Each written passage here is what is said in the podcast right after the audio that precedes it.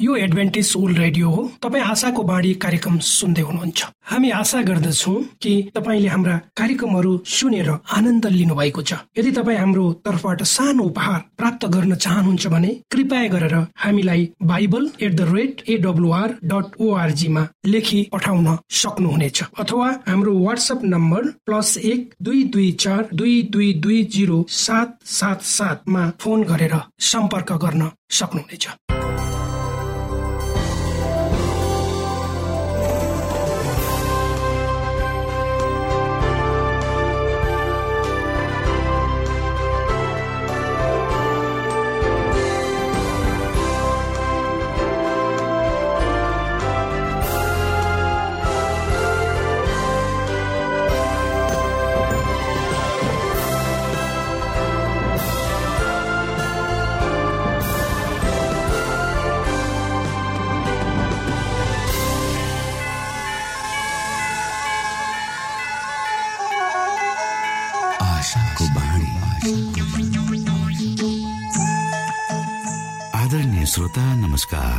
यो समय तपाईँ एडभेन्टिस्ट ओल्ड रेडियोको प्रस्तुति भोइस अफ होप आशाको बाणी कार्यक्रम सुन्दै हुनुहुन्छ।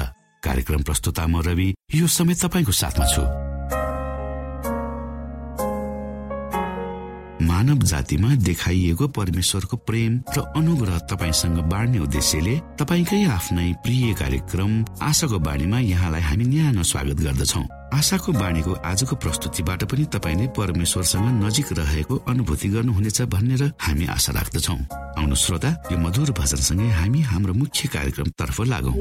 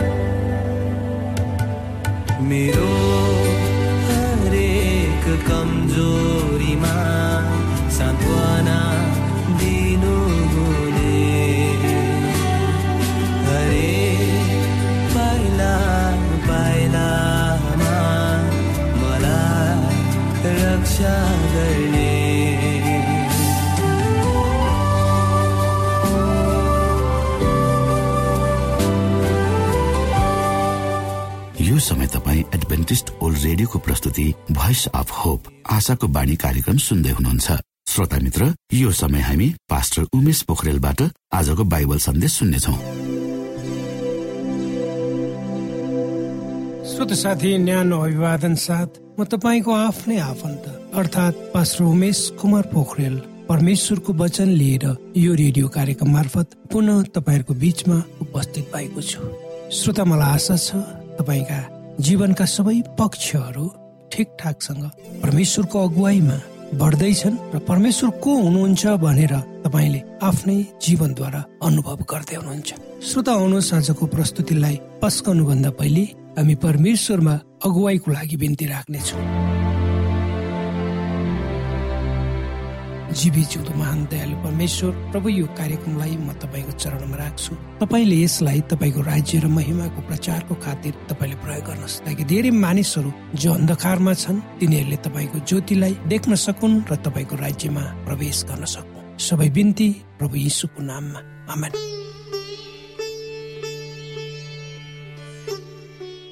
श्रोत साथी हिजोको हाम्रो प्रस्तुतिमा हामीले यो संसारको अन्त्य र प्रभु यीशु क्रिस्टको दोस्रो आगमनको बारेमा र त्यसका चिन्हहरूको कुरा गर्दै थियौँ र आजको प्रस्तुति पनि त्यसैको निरन्तरता हुनेछ। प्रभु यीशु क्रिस आउनु हुनुभन्दा पहिले अथवा संसारको अन्त्य हुनुभन्दा पहिले संसारमा नैतिक पतनको क्रम चाहिँ बढ्नेछ। वा मानिसहरू नैतिक रूपमा पतन हुनेछ अर्थात् मानिसले आफ्नो मानवीयपन एउटा मानवमा हुनुपर्ने गुण एउटा मानवले गर्नुपर्ने काम छ त्योबाट मानिसहरू निरन्तर रूपमा खस्कँदै जानेछन्। समाजका सबै पक्षहरू पहलहरू सबै क्षेत्रहरूमा त्यसले प्रभाव पार्नेछ। कुनै पनि समाजको आफ्नै नैतिक स्तर हुन्छ मूल्य र मान्यता हुन्छ। र त्यही मूल्य र मान्यताको आधारमा आजको हाम्रो समाज आफ्नो हाम्रो घर व्यवहार चलेको हुन्छ। तर मानिसले सैतानको पक्षमा आफूलाई ढाल्दै गएको कारणले वा मानिस सैतानको जालमा क्रमशः कसिँदै गएको परिप्रेक्ष्यमा आजको संसार नैतिक रूपमा क्रमशः खस्कँदै गएको छ भन्दा अर्को अर्थ नलाग्ला। श्रोता आज हाम्रो समाज कतातिर जाँदैछ? हाम्रो विचार हाम्रो स्वभाव हाम्रो बोली वचन हाम्रो काम गराई उठाई बसाई कस्तो छ?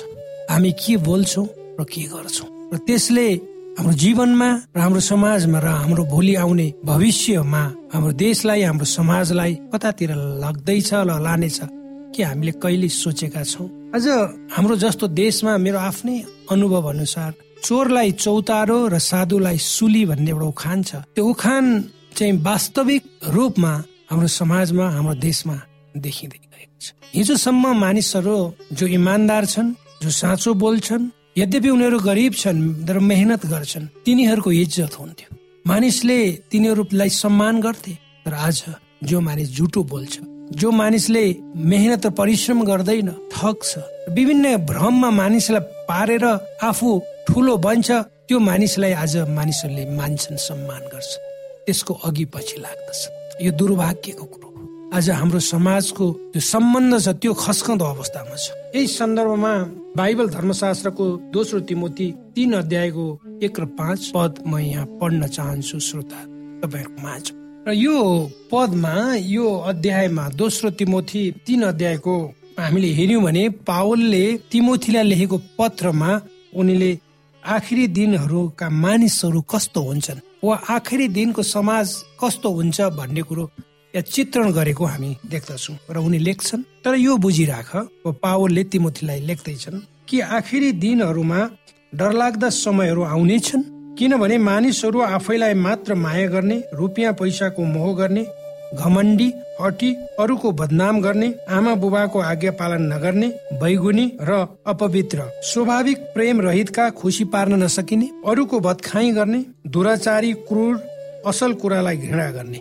अगाडि उनी लेख्छन् विश्वासघाती उत्ताउला अहंकारले फुलेका परमेश्वरलाई भन्दा सुख विलासलाई प्रेम गर्ने भक्तिको भेष चाहिँ धारण गर्ने लिने र त्यसको शक्तिलाई इन्कार गर्ने हुनेछन्। यस्ता मानिसहरूबाट अलग बस्छन् किन यो पावलले यो कुरा भन्दैछन् तिमोथीलाई? त्यति बेलाको समयमा यो तिमोथीका विश्वासीहरूको स्वभावलाई त्यति बेलाको अवस्थालाई पावलले चाहिँ यहाँ चित्रण गर्दै उनी तिमोथीलाई भन्दैछन् यस्ता मानिसहरूबाट अलग बस र त्यो कुरा पावलले त्यति बेला लेखेको पत्र आज पनि हाम्रो लागि अहिलेको समयमा उत्तिकै सान्दर्भिक र महत्व छ। त्यसको। आज संसारमा भएका भइरहेका घटनाहरू चाहे त्यो बाल यौन दुराचारका कुराहरू हुन् विभिन्न दुर्व्यवहारका कुराहरू हुन् एउटाले अर्को माथि गरेको थिचो मिचोको कुराहरू हुन् आजका युवाहरूमा देखिएको उच्छृङ्खलपना र छाडापनका कुराहरू किन नहुन्? र संसारमा बढ्दै गएको हिंसा हत्या आतंक विभिन्न किसिमका अपराधी क्रियाकलापहरू किन नहुन् यी सबैलाई तपाईँ हामीले एउटा ठाउँमा राखेर हेर्यौँ भने संसारमा भएका नराम्रा घटनाहरू एउटै ठाउँमा राखेर एउटै बास्केटमा राखेर यसलाई हेर्यौँ भने हामी एउटा निष्कर्षमा पुग्न सक्छौँ कि यी सबै हुनुको पछाडि आज हामी मानिसहरू नैतिक रूपमा चाहिँ हामी गिर्दै गएको कारणले समाजमा नैतिक र विचलन आएको कारणले आज संसारमा यस्ता घटनाहरू क्रमहरू नराम्रा कुराहरू बढ्दै गएको हामी देख्छौँ। जब यी सबै कुराहरू हामी बढ्दै गएको देख्छौँ त्यसले हामीलाई के इङ्गित गर्छ भन्दा प्रभु यीशु छिटै आउँदै हुनुहुन्छ। श्रोता अर्को चिन्ह छ रहस्यको विस्तार। आज मानिसहरू एउटा एक किसिमको रहस्यमा बाँचिरहेको हामीलाई एउटा अनुभव हुन्छ। यहाँ लेखिएको छ मत्ती चौबिसको चौबिसमा किनकि झुटा क्रिस्टहरू झुटा अगम वक्ताहरू प्रकट हुनेछन् र महान नेताहरूलाई सम्भव भए धोका दिनको लागि ठुला ठुला जादु र चमत्कारको प्रदर्शन गर्नेछन्। आज हामीले धेरै मानिसहरू विभिन्न नाउँबाट महान नाउँबाट आएको देख्छौँ र मानिसहरूलाई उनीहरूले झुक्काइरहेका छन् भ्रममा पाइरहेका छन्। अर्थात् अन्त्यको समयमा सबै प्रकारका चमत्कार र चिन्हहरू नक्कली अभिव्यक्तिका रूपमा प्रस्तुत हुनेछन्। बोक्सी नरपिचास टक सोहरूमा देखा पर्छन्। नयाँ युग सबै ठाउँमा जहाँ जादुमय कुराहरू बेच्दै गरेको हामी देख्छौँ। मृत आत्माहरूलाई खेलाउने वा उनीहरूसँग कुरा गरेको कुराहरू हामी देख्छौँ। नक्कली चिन्हहरू र चमत्कारहरू बढ्दै गएको पनि हामी अनुभव गर्न सक्छौँ। यी सबैले अझ स्पष्ट पार्दछ कि यसुले भविष्यवाणी गरे जस्तै अहिले हामी मानिसको पुत्रको आगमन हुने बेलामा वा त्यो समयमा हामी संसारमा बाँचिरहेका छौँ। श्रोता आज विभिन्न किसिमका वादहरू विभिन्न किसिमका चाहिँ प्रयोगहरू हामी संसारमा भएको हामी देख्छौँ। ती सबै कुराहरूले मानिसहरू एउटा रहस्य वास्तविकता के हो भन्ने कुरो नबुझेर सत्य भन्दा मानिसहरू टाढा गएर बाँचेको अवस्था छ। हामीले अनुभव गरिरहेका छौँ यो कुराहरू। आज मानिसहरूमा यति चेतना हुँदा हुँदै मानिस एउटा चेतनशील प्राणी हो उसमा अहिलेको समयमा मानिसको चेतनाको स्तर धेरै बढेको छ।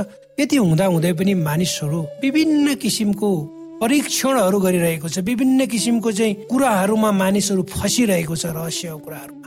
तन्त्र मन्त्र गर्ने जादु गर्ने वा नर पिसाजहरू खेलाउने नाममा वा मृत आत्माहरूसँग कुरा गर्ने नाउँमा धेरै कुराहरू छ। आज अर्को चिन्ह हामीले हेऱ्यौँ भने प्रभु यीशु क्रिस्टको आगमन हुनुभन्दा पहिले यहाँ युएल भन्ने किताबको तीन अध्यायको चौधले भन्छ राष्ट्रहरू जागृत हुनुपर्छ हँसिया चलाऊ किनकि धान पाकेको छ। तिनीहरूको दुष्टता यति बढेको छ धेरै नै छ धेरै निर्णयको मैदानमा किनकि प्रभुको दिन निर्णयको मैदानमा नजिक छ। आज एसिया र अस्ट्रेलिया पूर्वी युरोप पूर्व सोभियत युनियनमा र मध्य पूर्वी देशहरूमा सम्भवतः सबै रेकर्ड गरिएको इतिहासमा हामीले व्यक्तिगत राष्ट्रहरूको सबभन्दा ठुलो जागरण भएको देख्दछौँ। किनकि प्रभुको दिन नजिकै आएको छ श्रोता। र अर्को चिन्ह हामी देख्छौँ यहाँ शान्तिको योजना र युद्धको तयारी। संसारमा युद्धहरू भइरहेका छन्। जताततै साना ठुला युद्धहरू भइरहेका छन्। र ती युद्धहरूलाई शान्तिमा ल्याउने वा अन्त्य गर्ने कोसिस वा प्रयासहरू पनि भइरहेका छन्। जति संसारमा शान्ति ल्याउने प्रयासहरू भइरहेका छन् त्यो भन्दा बेसी संसारमा युद्ध भएको हामी देख्दछौँ। हामी यो अचम्मको संसारमा बस्छौँ। हामी सबै सहमत छौँ कि हामीले शान्तिपूर्वक बस्नुपर्छ र एउटा को अर्कोसँग विवाद भयो भने एकपल्ट शान्तिको लागि मौका दिनुपर्छ।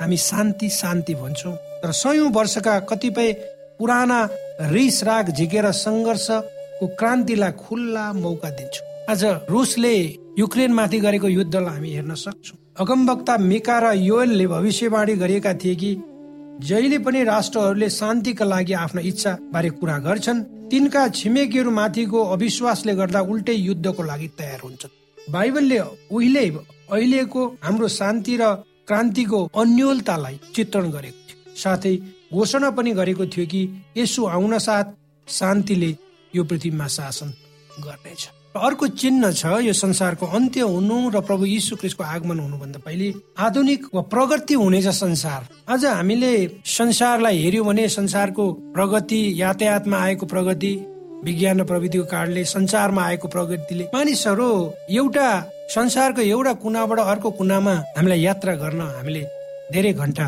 कुर्नै पर्दैन। एउटा मानिससँग तपाईँ आफ्नो मोबाइलबाट संसारको कुनै कुनामा बसेको मानिससँग तपाईँ एक सेकेन्डमा संवाद गर्न सक्नुहुन्छ समाचारहरू आदान प्रदान गर्न सक्नुहुन्छ। त्यसै कारण दानियलको पुस्तक बाह्र अध्यायको चारले भन्छ अन्त समय नआउन्जेल धेरै मानिसहरू ज्ञान बढाउनको लागि यता उता कुदिरहेका छन्। आज संसार यस्तो एउटा दौडमा छ मान्छे आफूलाई योग्य बनाउन ज्ञान प्राप्त गर्न संसार दौडिरहेको छ। दानियलले यहाँ भन्छन् कि उनको भविष्यवाणीको ज्ञान त्यसभित्र वा अन्तिम समयसम्म बढिरहनेछ। तर यो भविष्यवाणीले पनि हाम्रो कम्प्युटरकृत जानकारीको युगलाई सिधै इङ्गित गरे जस्तो लाग्छ। आज तपाईँलाई कुनै कुरो आवश्यक पर्यो भने तपाईँ कुनै कुरो खोज्नु पर्यो भने जान्नु पर्यो भने तपाईँले गुगल गरे हुन्छ कम्प्युटरमा गएर। पछिल्लो केही वर्षहरूमा यी सबै प्रकारका ज्ञानले बिजुलीको गतिमा वृद्धि गरेको छ। पछिल्लो दुई हजार वर्षभन्दा गत पचास वर्षमा अधिक परिवर्तन भएको छ। धेरैजना आफ्नो ज्ञान बढाउन यताउता जानेछन्। अठार सय पचास भन्दा पहिले मानिसहरू घोडा र बग्गीमा घुम्ने गर्थे। समयको सुरुवातदेखि नै उनीहरू धेरै राम्रा स्पेस सटलमा हवाई जहाजहरूबाट अब हामी सबै कुरामा ध्वनि बाधा तोड्छौ अनि बिस्तारै विस्तार गर्छौँ यात्राको वृद्धि र हालै हालैका असीमित आविष्कारले थप प्रमाणित गराउँछ कि हामी समयको अन्त्यमा बाँचिरहेका छौँ। प्रभु यीशु आउनु भन्दा पहिले सारा संसारमा सुसमाचार प्रचार गरिनेछ भनेर भनिन्छ। मत्ती चौबिसको चौधले भन्छ अर्थात् उहाँको आगमन हुनुभन्दा पहिले सुसमाचार सम्पूर्ण संसारमा पुग्नेछ भनेर प्रभु यीशुले भविष्यवाणी गर्नुभएको छ। राज्यको यो सुसमाचार सबै राष्ट्रमा साँचीको रूपमा सम्पूर्ण संसारमा प्रचार गरिनेछ अनि त्यसपछि अन्त हुनेछ लगभग आधा विश्वमा धेरै दशकसम्म सुसमाचार पुग्न नसक्ने गरी फलामको पर्दाले ढाकिएको थियो। साम्यवादको फलामे कब्जाबाट लगभग रातौं रात पूर्वी युरोप चिप्लिएर बचेको थियो। बर्लिन पर्खाल दुर्घटनाग्रस्त भएर झरियो अनि शक्तिशाली सोभियत साम्राज्य टुक्रियो। लगभग आधा ग्रहले सुसमाचारमा उसको हात अचानक खोलिदिएको थियो। सुसमाचार साँच्चै पुरा संसारभर फैलिएको छ। इसाई धर्मको सन्देश हरेक राष्ट्रमा उपग्रहद्वारा लगभग एकैचोटि प्रसारण भइरहेको छ। उहाँले घोषणा गर्नुभएकै दिन यसुले हामी जीवित छौँ। अब उहाँले घोषणा गर्नुभयो यस सुसमाचारलाई सारा संसारमा प्रचार गरिनेछ। त्यसपछि अन्त आउँछ श्रोता आजको प्रस्तुति तपाईँलाई कस्तो लाग्यो? यदि तपाईँका कुनै जिज्ञासाहरू छन् भने सल्लाह सुझाव छन् भने कृपया गरेर हाम्रो सम्पर्कको ठेगानामा हामीलाई लेखेर पठाउनु भयो भने हामी तपाईँप्रति धन्यवाद दिनेछौँ परमेश्वरले तपाईँलाई आशिष दिउन्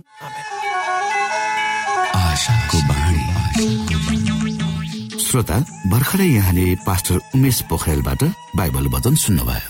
यो समय तपाईँ एडभेन्टिस्ट ओल्ड रेडियोको प्रस्तुति भोइस अफ होप आशाको बाणी कार्यक्रम सुन्दै हुनुहुन्छ। कार्यक्रम सुनेर बस्नुहुने सबै श्रोतालाई हामी हाम्रो कार्यक्रममा स्वागत गर्न चाहन्छौ।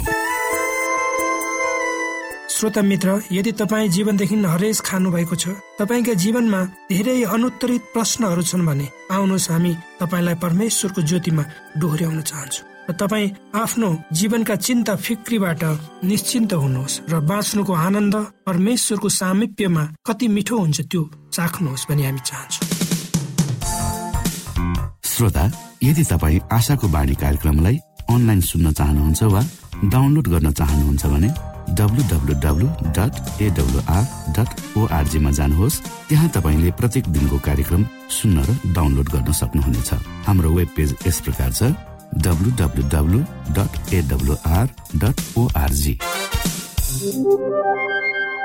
श्रोता यदि तपाईँ हामीसित सिधै फोनमा सम्पर्क गर्न चाहनुहुन्छ भने हाम्रा नम्बरहरू यस प्रकार छन्। अन्ठानब्बे एकसाठी पचपन्न शून्य एक सय बिस। अन्ठानब्बे एकसाठी पचपन्न शून्य एक सय बिस। र अर्को अन्ठानब्बे अठार त्रिपन्न पन्चानब्बे पचपन्न। अन्ठानब्बे अठार त्रिपन्न पन्चानब्बे पचपन्न। यो आशाको बाणी रेडियो कार्यक्रम हो। म धनलाल राई यहाँहरूलाई यस कार्यक्रममा न्यानो स्वागत गर्दछु। उद्देश्य प्रेरित पुनर्जन्म देश देशावरका आत्मा परिवर्तनको कथाहरूमा आजको कथा आन्द्रियु मेकचेस्ने सुडान अफ्रिका संकुचित होइन तर ठुलो आँखाले जीवनको मानचित्र वा योजनालाई हेर्नु। श्रोता झन्डै दिनदिनै भने जस्तो पाँच सदस्यीय एउटा परिवार दक्षिण सुडानको राजधानी जुवामा रहेको सेभेन डे एडभान्टेज परिसरमा आएर खानेकुरा माग्दथे। त्यसबेला डाक्टर फिनुवाले त्यस परिसरमा सानो मुनिकी सेभेन्थ डे एडभान्टेज स्वास्थ्य संस्था चलाउँदै थिए उनी मिसिनेरी डाक्टर थिए। उनको परिसरमा आएको परिवारको मागप्रति के गर्ने होला भनेर उनी अलमल्लमा परेका थिए। एक दिन उनले जुन परिवार उनी कहाँ खाना माग्न आउँथ्यो त्यही परिवारको घरमा जाने निर्णय गरे। त्यो परिवार उन कहाँ दिनदिनै खास गरेर किन आउँछ भनेर उनले जान्न चाहेका थिए। जब उनी त्यस परिवारको घरमा पुगे तपाईँ त्यहाँ जे देखे त्यो देखेर उनको मनमा ठुलो चोट पर्यो। बाबु आमा दुई छोरीहरू र छोराले पाले पालो खाना खान्थे। बाबु र छोरा एक दिन खान्थे भने आमा र छोरीहरू अर्को दिन खान्थे। त्यस दिन बाबु र छोरा भने भोकै हुन्थे। त्यो दृश्य देखेर पिटर आफ्नो घरमा आए। उनी अर्जेन्टिनाका थिए भने उनको श्रीमती नतासा साउथ ओसेटियामा जन्मेकी थिइन्। यो पहिलाको सोभियत रुसको भाग थियो। पिटरले आफूले देखेको काली लाग्दो दृश्य आफ्नो श्रीमतीलाई सुनाए। उनले भने हामी केवल स्वास्थ्यको काममा मात्र ध्यान दिइरहेका छौँ। तर हाम्रा वरिपरि रहेका मानिसहरूलाई त्यो भन्दा अरू नै थोकको खाँचो रहेको कुरालाई हामीले वास्तै गरेनौँ। स्वास्थ्य सेवा असल हो तर समुदायको निम्ति आधारभूत कुराहरूको पनि खाँचो छ भनेर हामीले महसुस गर्नुपर्छ। तिनीहरूलाई सफा पानी खानेकुरा लामखुट्टे आउन नदिने झुल र पानी बोक्ने भाँडाहरू चाहिएको रहेछ। तर तिनीहरूको वरिपरि रहेका मानिसहरूको आधारभूत आवश्यकता पूरा गर्ने क्षमता आफूसँग थिएन। पिटर र नतासाले प्रार्थना गरे अनि अमेरिकाको मुख्यालयमा रहेको आन्ड्रा हेडक्वार्टरमा एक लाख पचास हजार डलरको सहयोग माग्न पत्रचार गर्ने भनी पिटरले निर्णय गरे। यस्तो आयोजनाको निम्ति उनले पहिले कहिले पनि प्रस्ताव लेखेका थिएनन् तर आन्ध्राले उनको प्रस्ताव स्वीकार्यो र त्यसको निम्ति आर्थिक सहयोग वा बजेट दिने निर्णय गर्यो। अनि छोटो समयमा नै मुनिकी सेभेन्द एडभान्टेज स्वास्थ्य क्लिनिक आड्रा जुवा प्रोजेक्ट वा परियोजनाको नाउँले प्रचलित भए। सानो क्लिनिक विस्तार भएर अरू सेवाहरू पनि सञ्चालन गर्न थालियो। तिनीहरूले खानेकुरा अरू आवश्यक सामानहरू र पानी सफा गर्ने उपकरणहरू वितरण गर्न थाले। आपतकालमा सहयोग गर्ने निकाय पनि तिनीहरूले स्थापना गरे। त्यो आयोजनाका निम्ति एक लाख पचास हजार डलरबाट एक वर्षमै बिस लाख डलरको बजेट हुन पुग्यो। मलाई त छक्क लागिरहेको छ जब हाम्रो ध्यान मानिसहरूमा राख्छौँ र तिनीहरूको आवश्यकताप्रति संवेदनशील हुन्छौँ तब तिनीहरूलाई सहयोग गर्ने परियोजनाको विकास गर्न सक्छौँ पिटरले भने। पिटरको जीवनमा पनि आमूल परिवर्तन आयो। आड्राले उनलाई अमेरिकाको सेभेन्थ एडभान्टेज विश्वविद्यालय आन्द्रु युनिभर्सिटीमा अध्ययन गर्न पठायो। त्यहाँ अन्तर्राष्ट्रिय विकासको विषयलाई लिएर मास्टर डिग्री हासिल गरे अनि उनले धेरै अन्तर्राष्ट्रिय सहयोगी संस्थाहरूमा काम गरे। ती संस्थाहरूमा ADRA Danish Refugee Council World Vision र युनिसेफ थिए। उनले जोर्डन लेबलान भोलिभिया साउथ ओसेसिया र रुसी गणतन्त्र चेचनियाका देशहरूमा पनि काम गरे। तर उहाँको यो ठुलो कामहरू सानैदेखि सुरु भएको थियो। एउटा परिवार किन दिनदिनै खाना माग्न आउँदो रहेछ? भन्ने उनको त्यो चासोले विशाल परियोजनाहरू सुरु भयो। त्योभन्दा अघि मेरो सम्पूर्ण जीवन मानिसहरूको स्वास्थ्य उपचार गर्नमा व्यस्त थियो। मेरो क्लिनिकको सानो कोठा भन्दा बाहिरको संसार पनि हेर्नु पर्दो रहेछ भनेर उनलाई थाहा थिएन।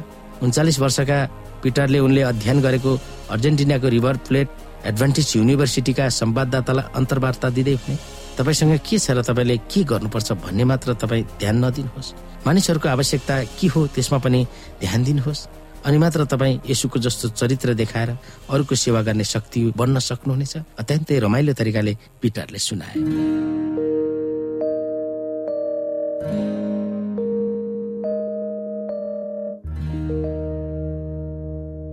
आदरणीय मित्र बाइबलले बताएको छ परमेश्वरले तिर्खाकाहरूलाई तृप्त पार्नुहुन्छ। र भोकालाई उत्तम पदार्थले सन्तुष्ट पार्नुहुन्छ।